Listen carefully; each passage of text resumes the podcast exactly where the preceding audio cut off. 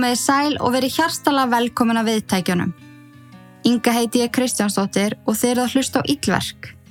Podcastið sem hefur svala forvitni Íslendinga um sannsöguleg sagamál síðan 2019. Í dag ætlum við að fara yfir þriðja og síðasta þátt í IDO 4 þáttaseríunni. Síðasti þáttur endaði með ansi efnilegu rapplægi Brian Koberger.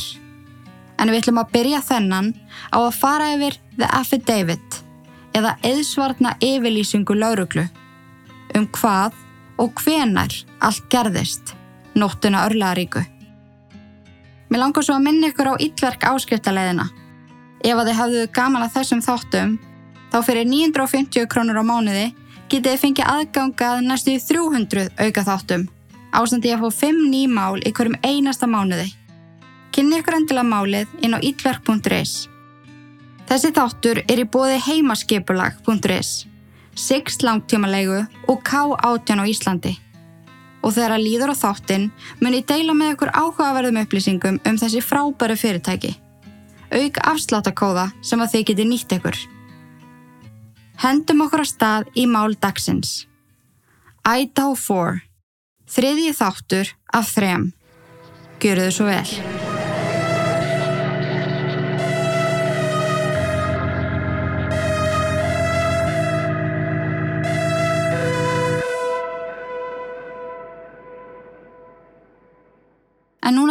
Vitum aðeins meira um Brian Koberger og hver hann er nákvæmlega, þá skulum við fara yfir The Affidavit eða eðsvörnu yfirlýsinguna.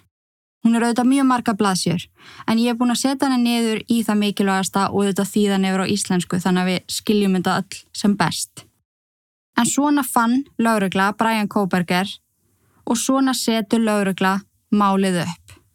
Mál Idaho 4. Þessi yfirlýsing er skrifuð af lauruglu þjónunum Brett Payne en hann mætir klukkan fjögur þann 13. november 2022 á Vettvang en þá hafðu þetta margir aðri lauruglu þjónar verið aðna síðan klukkan 12 eða 11.58. Hann er með brjóstmyndavel þegar hann gengur í gegnum húsið og hann skrifar þessa yfirlýsingu út frá brjóstmyndavelinni allavega þegar verið að lýsa glæpa Vettvang. Hann leggur fyrir utan 1122 King Road og gengur hann um aðalhörðina á húsinu. En á þessu húsi eru tveir ingangar. Aðalhörðin sem er á fyrstu hæð húsins og svo rennihörð sem er á annari hæð húsins inn í eldús. Hann gengur upp stegan á aðra hæð húsins. Það fyrsta sem að blasi við þér þegar þú gengur upp stegan er annar stíi sem að fer með upp á þriðju hæð húsins. Á vinstri höndi er svefnherbyggi á hægri hendir eldúsið og svo að þú snýðir strax við þegar þú kemur upp stegan þá getur þú gengið inn í stórst stofurými. En þið hafið pottet sér myndir innan úr þessari stofu en það er til dæmis Good Vibes neonskiltið. Brett gengur í gegnum stofurýmið og inn gang sem er vinstramegin í stofurýminu. Bent af augum er svefnherbyggi og til vinstri á ganginum er baðherbyggi. Þegar hann gengur að svefnherbygginu sér hann Sana Kernúdúl á gólfinu og það sem að staðfestir fyrir honum að það sé Sana er aukurskirtinni hennar sem hann finnur henni í herbygginu. Sana var mjög augljóslega látin og hún var með sjáanleg stungusár um allan líkama. Það var líka kartmaður inn í herbygginu sem að lá einnig á gólfinu. Þetta var Ethan Chapin, kærasti sönu. Hann var augljóslega látin og mörg sjáanleg stungusár um allan líkamans. Næst fer brett upp á þriðju hæð húsins, en þar eru tvö svefnherbyggi og eitt baðherbyggi. Strax til vinstri þegar hún kemur upp stegan er svefnherbyggi Kylie Concalves, en hún hafi búið í þessu herbyggi frá ágúst til lók oktober og var flutt út þegar þetta átti sér allt saman stað. Fyrstum sinn þegar laurugla mætti á vettvang var hundur í rúmununa Kylie og það kom sér í ljósa að þetta var hundurinn hennar og Jack Tucker sem að heitir Murphy en það var á þessum tímapunkti búið að fjarlæga hundin þegar brett er að lappa um húsið. Og það var ekkert inn í svefnherbyggi Kæli sem að benti til einhvers konar átaka, þannig að ekkert hafði átt við stað þar enni. Þegar þú ferð út úr herbyggin hennar Kæli er baðherbyggi beint á augum og við hliðin á því, hinum megin við veggin, er herbyggi hennar Matti Mókan. Þegar brett gengur inn í herbyggi hennar Matti sér hann tvær stelpur á einbreiðu rúmi þar Matti og Kylie. Þar voru báðalátnar og mörg sínileg stungusár um allan líkamaðera. Það sem kom einni í ljós þegar að skoða var herbyggi Matti betur var að nýfa slíður, fannst á rúmenu hennar Matti. Þetta var nokkus konar K-bar nýfur, mertur USMC eða US Marine Corps. Nýfaslýrið var flutt á rannsóknastofu og fljótlega fannst eitt Karlmanns DNA síni á hnappinum á nýfaslýrinu. Það skal líka taka fram að eftirlifandi herbyggisfélagar Bethany Funk og Dylan Mortensen voru heima þegar morðin áttu sér stað.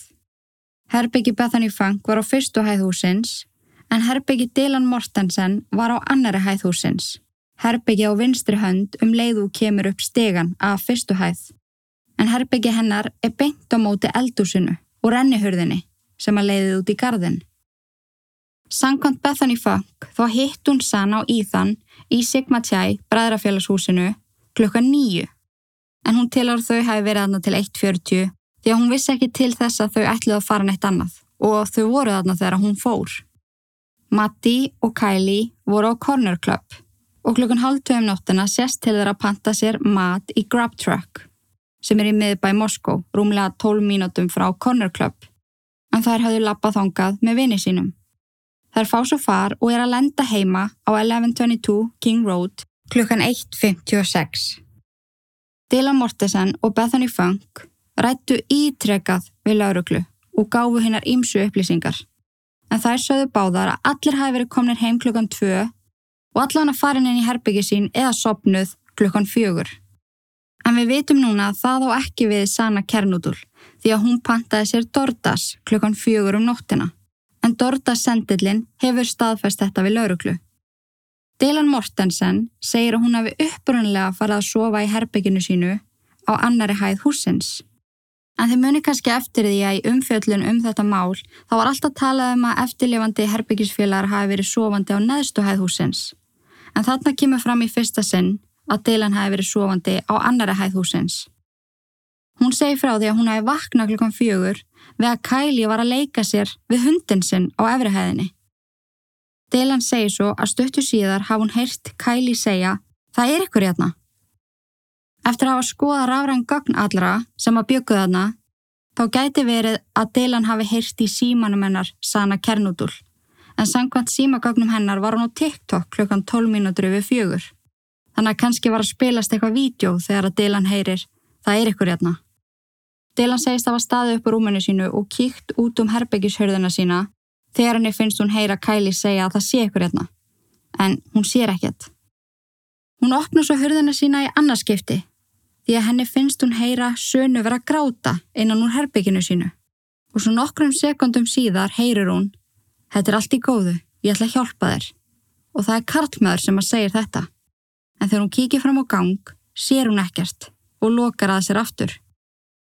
Eftir að skoða öryggismyndavelar úr hverfinu, þá er öryggismyndavel utan á 1112 King Road, hús sem er við hliðin á 1122 King Road. Og klukkan 17 mínútur yfir fjögur þá heyrist á upptöku úr þessari myndavel undarleg hljóð. Það heyrast rattir, grátur, dingir, hundagelt og þetta byrjar allt saman klukkan 17 mínútur yfir fjögur en þessi myndavel er næst herbygginu hennar sönu. Dela Mortensen segir að hún hafi opna herbyggishurðina sína í þriðja skipti þegar hún heyrði aftur í ykkur um gráta. Þegar hún kíkir fram þá sér hún svartklættan mann ganga fram hjá sér. Hann var mjög hár, grannur, íþróttalega vaksinn með svarta grímu og þykkar og miklar augabrúnir. Hún horfiði á hann lappa að sér og svo fram hjá sér. Í gegnum eldúsið og út um rennihurðina. Dila Mortensen segir að hún hafi staðið aðna í mjög miklu sjokki og ekki geta hreift sig, en endaði svo á því að læsa sig inn í herbyggi og þorði ekki að koma fram. Hún segist ekki þekka hennan mann og ekki kannast við hann. En laurugla trúi því að þarna hafi morðingin verið að yfirgjáa vettvang. Þegar það var búið að skoða símagögn, Dylan Mortensen og Bethany Funk ásandi að skoða upptökur úr öryggismyndavilum í hverfinu er áætlað að morðin hafi átt sér stað á milli fjögur og fjögur 25 þann 13. november 2022. Og þetta er í fyrsta sinn sem að þessi tímarami kemur upp. En láregla hafði alltaf sagt að morðin hafi átt í stað á milli klukkan 2 og 3. En þarna er þetta orðið fjögur til 4.25. Við rannsókn og glæpa vettvang fann skófar fyrir utan hurðina hennar Dylan Mortensen sem var enni stóðum undir frásögnanar um að morðingin hafi gengið fram í herbygginu. En skófarið verðist vera undan vannsskó en það er ekki tekið fram hvað starð þetta er. Eftir að hafa skoðað myndavilar úr nær öllum bænum og þá sérstaklega hverfonum í kringum King Road, gæt laurugla pinna niður Suspect Vehicle 1 eða bíl hins grunaða nr. 1. En þessi bíl sést keira fram hjá húsi nr. 700 hjá Indian Hills Drive í Moskó klukkan 3.26.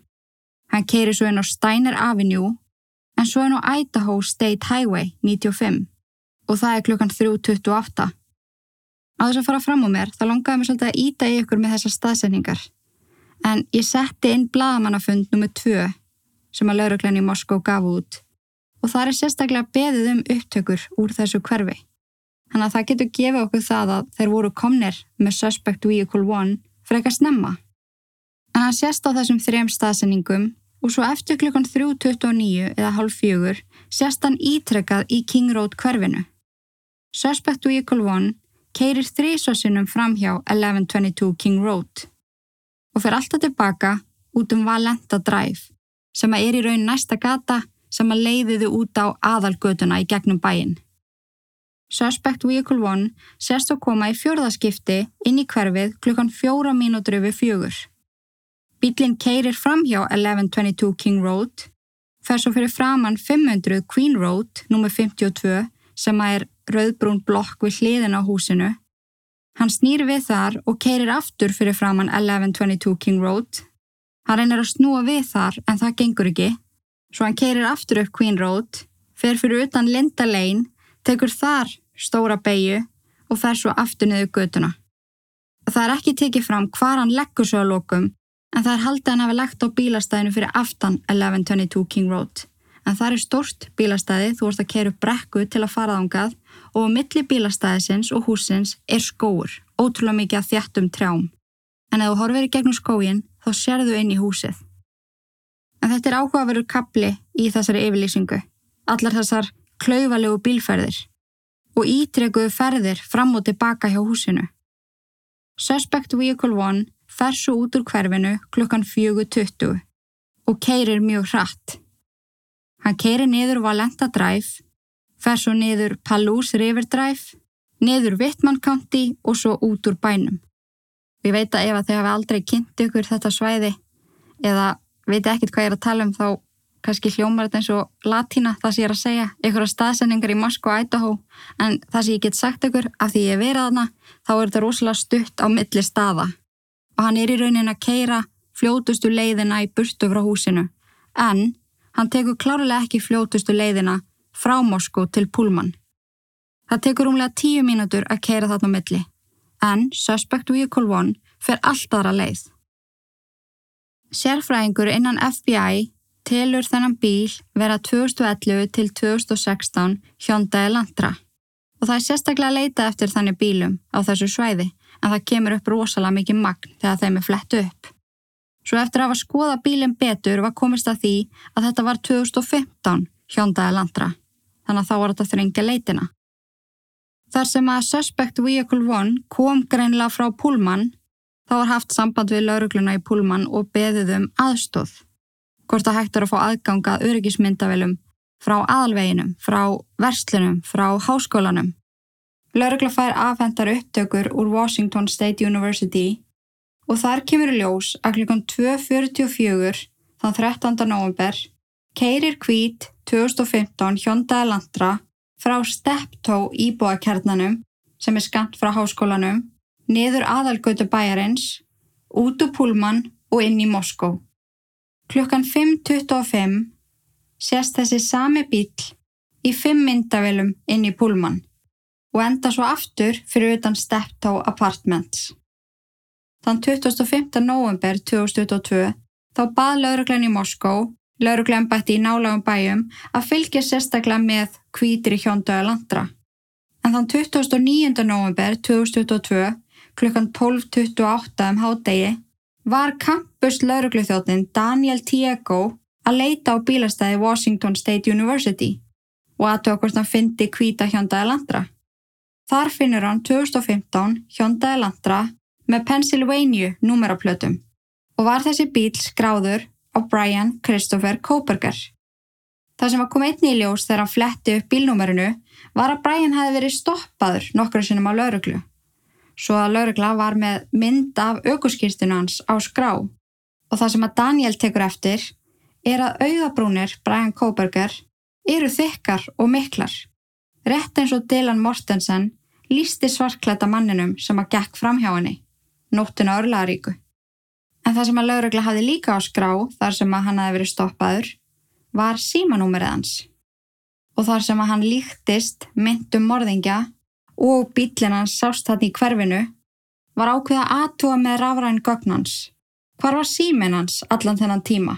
Því að símaslóð getur verið ótrúlega mikilvæg og sagt rosalega mikið.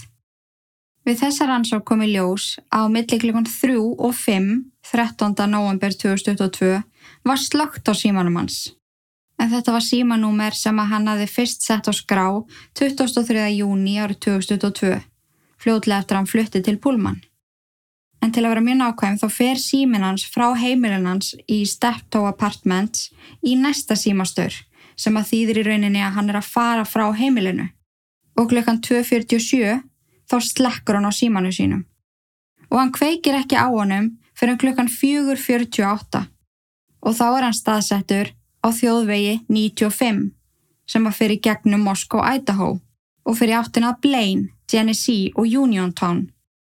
En ef þú ímyndaði Moskó sem bara ring, þá keirur þú niður, tekur stórt U, fer niður til Blaine, Genesee, upp til Uniontown og svo endur aftur í Pullman. Í staðin fyrir að keira beint frá ringnum yfir til Pullman, þá fer hann þessa löngu leið og síminn hans sínir það því að hann kveikir á honum.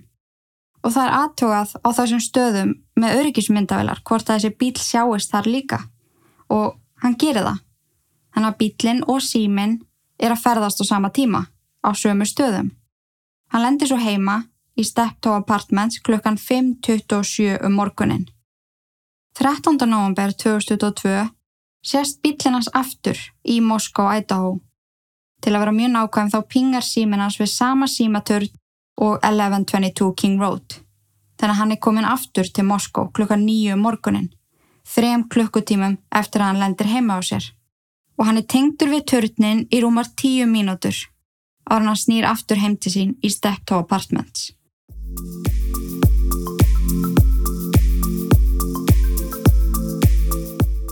Ég er ekki íkja þegar ég segja að K18 hafi bjargað hárunum mínu. Vörurnar eru uppfullar af hreinum, háþróðum efnum sem að hafa það verkefni að byggja upp hárið, vinna úr skemdum og hreinsa upp sapnaðan viðbjóð sem áða til að setja sem fastast í höfuleðrinu. Aðal mununum sem að ég finn eftir að hafa nota vörurnar, allavega síðan í mars, er að hárlós er algjörlega hægt. En þetta var eiginlega komið á ákveði hættusteg hjá mér. Þegar ég misti lúku í hvert sinn sem ég fór í sturtu og þurfti bókstala að taka hár úr hárbustanum mínum nokkur svonum á dag. En það vandamál er alveg horfið. Svo ég myndi klárlega að prófa K18 ef þið eru að eiga við hárloss. Og líka ef að þið eru hormonapjésan eins og ég. Hárið mitt fær svo sannlega að finna fyrir því þegar uppbólstími mánadarins mætir í hús. Saði enginn aldrei. Það verður skítutt strax, mér verður oft illt í hársverðinum og þá yfirlegt á sér stað auki hárloss en K18 hefur sömulegis lagað það algjörlega. Þetta eru dýrar vörur, en það er engin horfbjóðs innihalsefni sem engin veit hvaðan koma.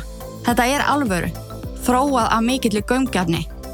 En, gaman að segja frá því, að Reykjavík Verhás.is býður hlustendum Ídlar podcast 25% afslátt af öllum vörum frá K18 með kóðanum Ídverk.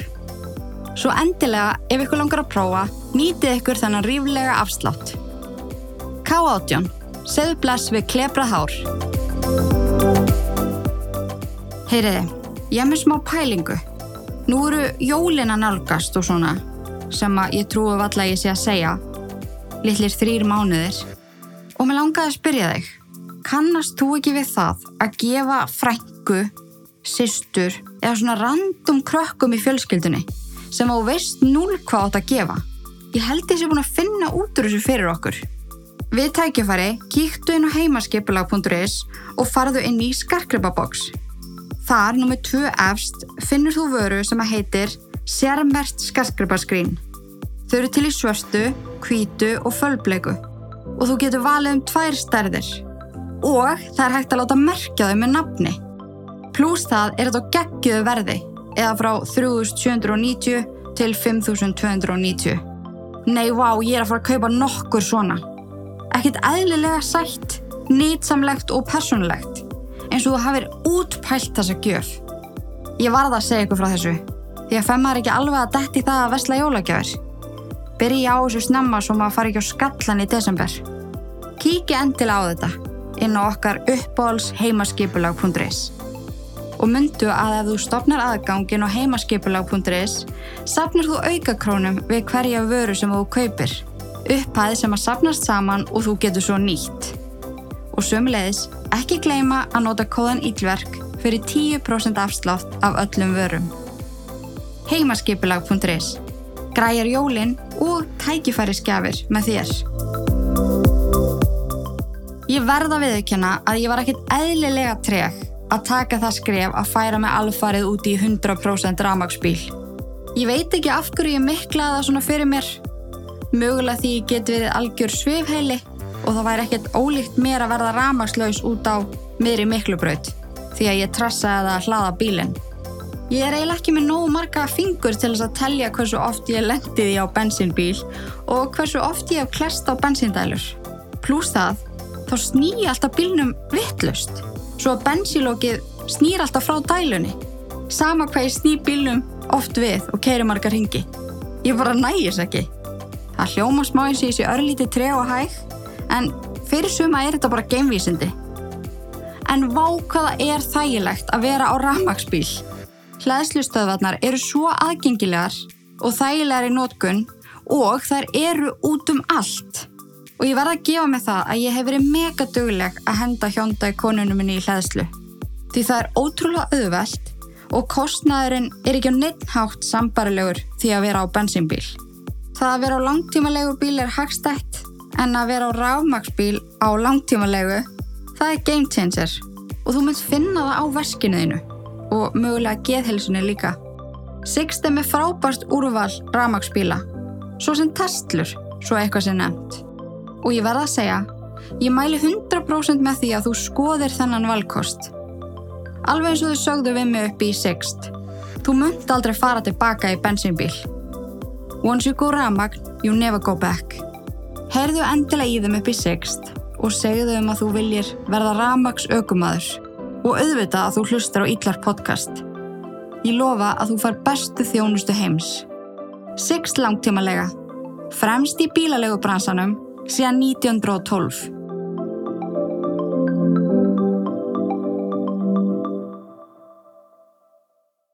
Það var aðtjóðað með alla samfélagsmiðla og í raun alla miðla Brian Koberger og skoða þann möguleika að hann hafi setið um fórnalömpin.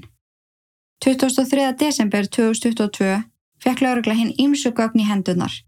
Það er á meðal mjög langa skrá yfir allar staðsendingar sem hann hafi farið með síma sinn á alla turna sem að síminn hafi nokkuð tíman snert.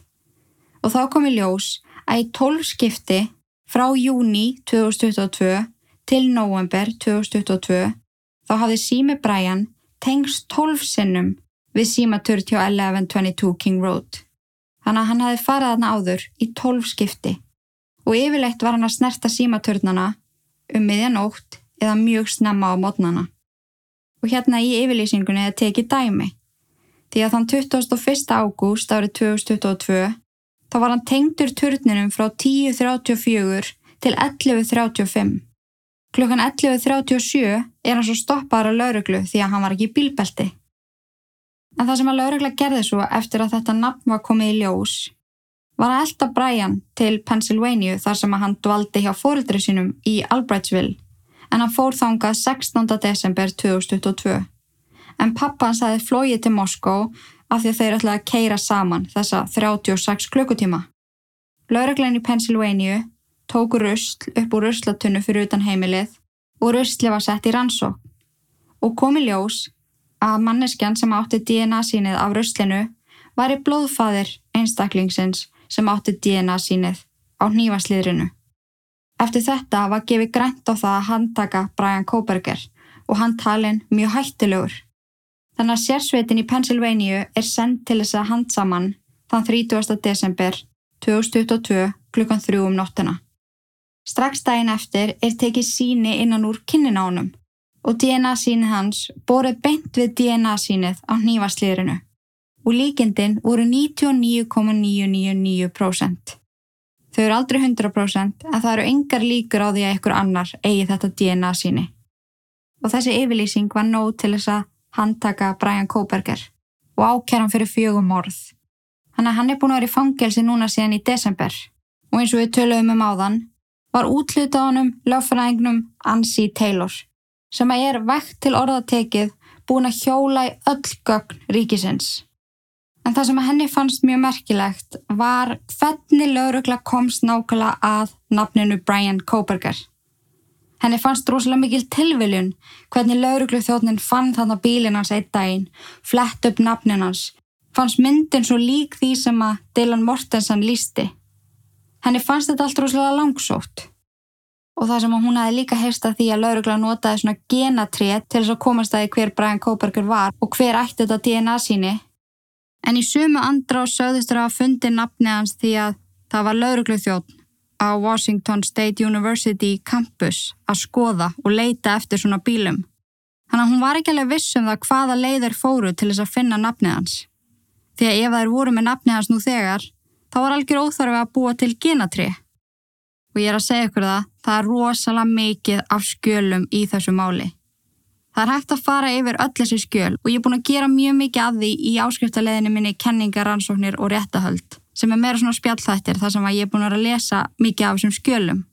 En þetta er endalust. Það er endalust verið að byggja um eitthvað, hafna ykkur og auðvitað líka bara halda skrá yfir allt sem er að eiga sér stað því að þetta mál er náttúrulega í gangi. Og eitt af fyrsta sem að Ansi Taylor og Brian Koberger ákveða er að Brian vil láta þetta ganga hratt fyrir sig. Því eins og ég sagði ykkur áðan þá saðist hann hlakka til þess að hreinsa nafnið sitt. Þannig að hann vildi speedy trial. Hann vildi að þetta gengi hratt fyrir sig. En speedy trial er í rauninni þannig að réttuhaldin þurfa þá að byrja innan við sex mánuða frá því að einstaklingur er handtekinn.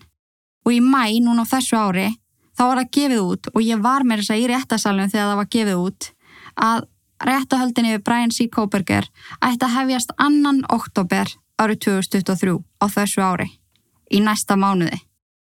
En Ansi Taylor vildi fá svör við þessari spurningu til þess að geta undibúið sér betur. Hvernig fundur nafnið hans? Geta þær útskýrt betur hvernig þeir byggu til þetta genatri? Og það sem hún setti líka fram er getur verið að þessu hafi verið plantað. Hún fó líka aftur yfir öll gögnin, öll viðtölin, en hún þurfti alltaf að býða mjög lengi eftir að fá leifi. Ríki var lengi að gefinni aðganga öllum viðtölum en núna fyrr á þessu ári sendi Ann Taylor út frá sér frekar stóra yfirlýsingu eða frekar mikilvægt skjál. Þar sem hún lísti yfir því að hún vildi fá Bethany Funk til þess að vittna fyrir Brian Koberger. Því eftir að hafa farið við viðtöl hennar við lauruglu komi ljósa upplýsingar hennar og delan stönguðust á og að Bethany hefði upplýsingar sem að engin annar hefði. Það mikilvægur upplýsingar að þær gætu frelsað Brian Koberger. En þar sem að Bethany var búsett í Nevada þá þurfti að sækjum langt og stránt ferli til að láta flytja hann yfir og hún skilinlega vildi það alls ekki. Þannig að lögmaður hennar lagði fram kröfu til þess að ógilda þessa stefnu. Það fór samt fram einhvers konar samtal á milli Ann Taylor, lögfræðings, Bethany Funk og Bethany en við vitum ekki hvað það er. Og af því að hann lagði fram þessa kröfu þá þarf hún ekki að koma fram í réttasal, hún þarf ekki að koma til Idaho. Þannig að við vitum ekki enn í dag hvað upplýsingar hún hefur. Í byrjun júni þá hafnar ríkið beðninni frá Ann Taylor um að fá að vita hvernig þeir byggu til genatriðið og þeir settu fram þau rauk að það væri svo mikið af saklausum einstaklingum sem var komið fram í þessari byggingu á trénu að þeir vildi ekki gera nöfnin þeirra óbymber. Þeir vildi ekki setja nöfnin þeirra á skrá því að þetta væru saklusir einstaklingar sem að voru á einhvern hátt skildir Brian Koberger. En Ann Taylor saði að hún geti ekki undirbúið máli hans Brian ef að hún hefði ekki öll gögnin. Og ríki væri nú þegar búið að vera mjög lengi að láta hann að fá allt saman og tíminn var á þrótum. Og dómari á endanum skipa ríkinu að láta verjendur Brian Koberger fá þessi skjöl. Og þá kemur út risastórt, mjög óskiljanlegt skjál Ég þurfti að lesa rosalega oft yfir til þess að skilja.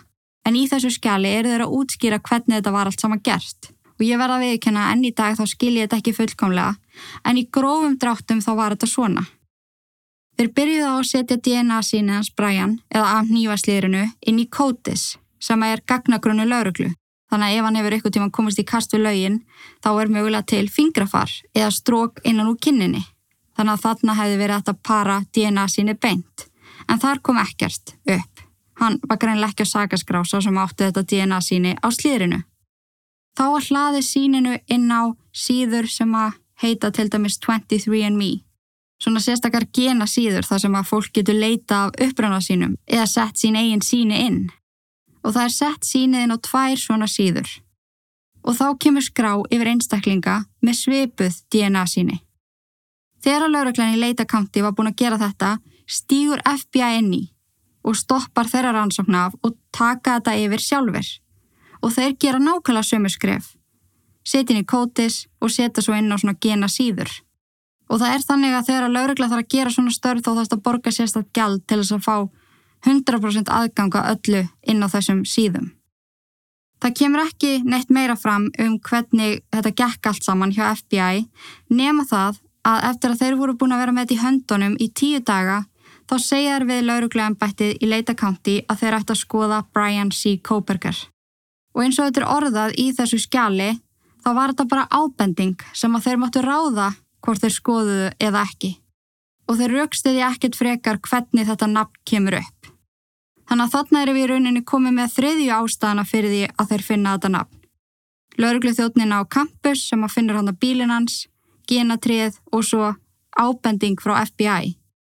En laurugljambættið í leitakanti tekur við þessari ábendingu og fer með hana lengra og kem svo að þessari niðurstöðu.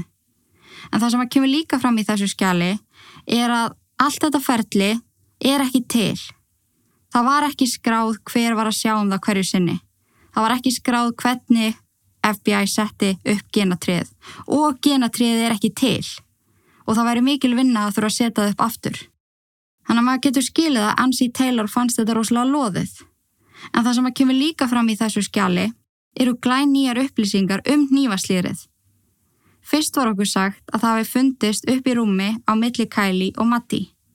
En í þessu skjali kemur fram að það hefði verið hálft undir Matti og hálft undir senginni. Þannig að það sást ekki nema þegar það var tekið líkin úr rúminu. Þannig að það er áhugavert hvernig Brett Payne getur sagt í yfirlýsingunni sem ég var að lesa fyrir ykkur áðan að hann hafi séð þetta nývaslýri því að það var greinlega undir Matti.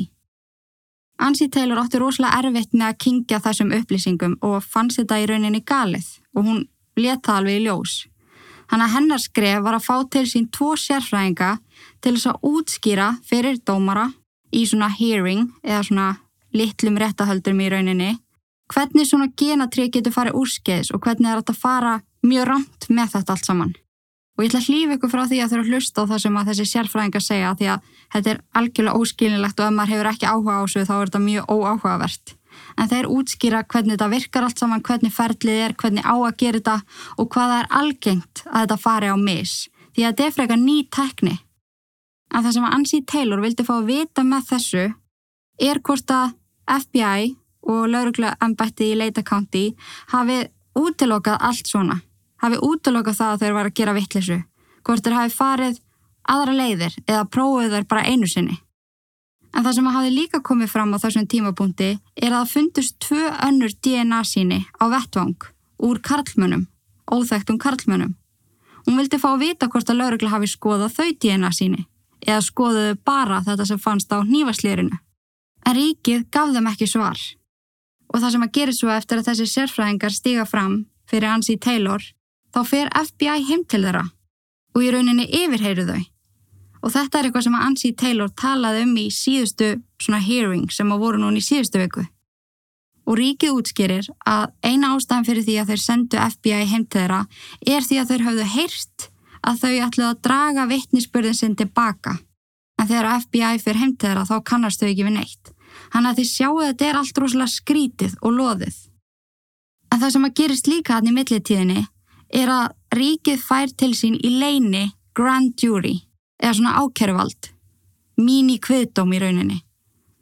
Þeir setja fram málið og þessi kviðdómur finnur Brian Segan í öllum ákæruliðum og þetta er gert algjörlega bakvið Ansi Taylor. Og það er í rauninni alveg eðlilegt. Þetta er eitthvað sem að ríkið gerir mjög oft í réttahöldum og Ansi Taylor veit þetta alveg. Og hún gæti ekkit mótmælt í en það sem hún vildi var skrá yfir þennan dag. Hvernig fór þetta allt saman fram?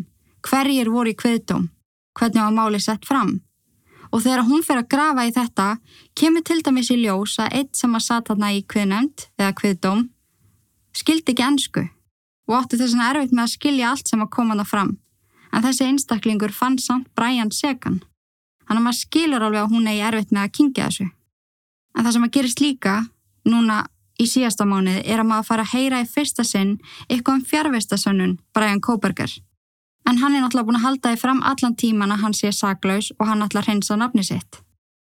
Og Ansi Taylor og varnarliðið hans Brian setur fram svona skjál um að það get ekki verið að Brian hafi gert þetta því að hann var ekki á staðnum þegar þetta átti sér stað. Hann var ekki dáninu sérstökum stað og hann getur ekki sagt já ég var nákvæmlega hér á þessum tíma en það sem að Brian átti mjög erfitt með að sofa og fór mjög reglulega að rúnda á nóttunni þá vildi bara svo óheppilega til að hann var á rúndinum þessa nótt. Og það er þess vegna sem hann sést í myndavælunum, því að hann er að rúnda. Og ég held að allur heimurinn hafi verið sammálu um það að þetta er ekki mjög góð fjárvestasönnun. En þetta getur auðvitað alveg verið. Það er alveg til fullt af fólki sem að elskar að rúnda. Það sem Ansi Taylor gerir er að hefna sín svolítið á ríkinu.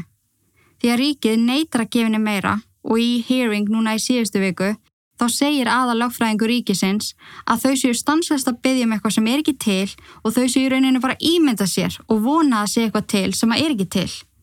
Hann veit ekki hvað hann á að segja meira, en Ansi Taylor veit að það er eitthvað meira. Og það sem hún gerir er, eins og ég segja, hefna sín á ríkinu með því að segja já, við getum þó ekkert sagt eitthvað meira um þessa fjárvistasunum, því að ríki er sumilegis að byggja þau um fleiri upplýsingar. Þannig að málið er búið að vera svolítið stopp og allir er búin að vera að krafsa í bakkan. Liðin er ekki að afhenda hvort öðru skjölinn sem að þau eiga að afhenda. Þau eru að reyna að halda ykkur upp í erminni og ekki gefa allt upp. Og ég held að það sterkasta sem Ansi Taylor er með er þetta DNA og þetta genatrið því að það kemur ekki vel út. Og það sterkasta sem að ríki hefur eru þetta DNA sínið af nývaslýrinu og þetta stórfurðulega alibæ.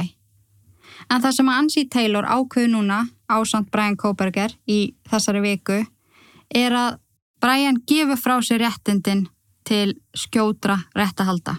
Og þetta er alveg stór ákvörðun og dómari spyr hann ítrekka hvort hann sé alveg viss. En þetta þýðir í rauninni það að réttahaldin eiga ekki lengur að fara fram annan oktober og það er að drífa sér í þessu. Heldur eiga þau að taka bara sinn vanagang eins og þetta er yfirlegt í svona málum sem eru 1-2 ár. En þetta segir mig það að Ansi Taylor er ekki tilbúin. Hún er ekki tilbúin með málið hans. Og þar sem að ríkið er búið að vera svo lengi að láta hann að fá öll gögn, þá hefur hún haft rosalega lítinn tíma til að vinni því. En ríkið var ánægt með þessa ákvörðun Brian og Ansi Taylor. Og þetta var eitthvað sem þau voru búin að ráðleggja þeim að gera. Því að þá hafa þau lengri tíma til að búið til sterkara mál gegn honum. En það sem að Ansi Taylor byggði svo líka um er að það veri tekið dauðarefsinguna á borðinu. En staðrendin er svo að ef að Brian Koberger verður fundin segur um þetta, þá er mjög líklegt að hann veri dæmdur til dauða.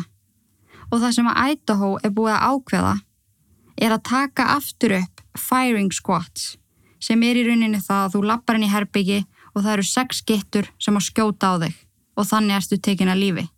Og ef hann er fundin segur þá á hann að vera tekin að lífi þannig. Og hún vildi að þetta er þið tekið á borðinu og dómari er ekki búin að hafna því eða samþykja það. Og akkurat svona standa málinn í dag. Og það allra nýjasta í þessu öllu saman er að réttahaldin munu ekki fara fram annan oktober 2023 heldur getur dreyist til 2024 eða 2025. Við vitum það ekki. Og ég byrjaði sérstaklega á þessari þáttasýrju til þess að við værum tilbúin fyrir réttahöldin. En þetta breyttist aðeins, en í staðin þá vitum við bara allt um þetta mál og getum haldið áfram að fylgjast með að því að ég efast um að þetta sé búið. Ég held að ég eftir að koma miklu meira í ljós. En ég vona ykkur hafi fundist þetta áhugavert og þið hafi lært eitthvað um þetta hræðilega mál, The Idaho 4. Kylie, Matti, Sana og Ethan. Þetta mál snýst um þau. Má má ekki gleyma því. En auðvitað snýst þetta líka um það að lögin séu nótu rétt. Og réttur maður verði dæmdu til dauða. En þetta var mín yfirferð yfir Idaho 4.